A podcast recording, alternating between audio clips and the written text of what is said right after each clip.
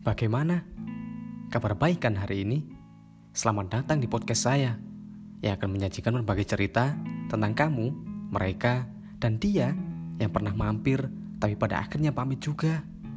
Semoga nyaman di telinga dan semoga hari-harimu selalu baik setiap hari-harinya.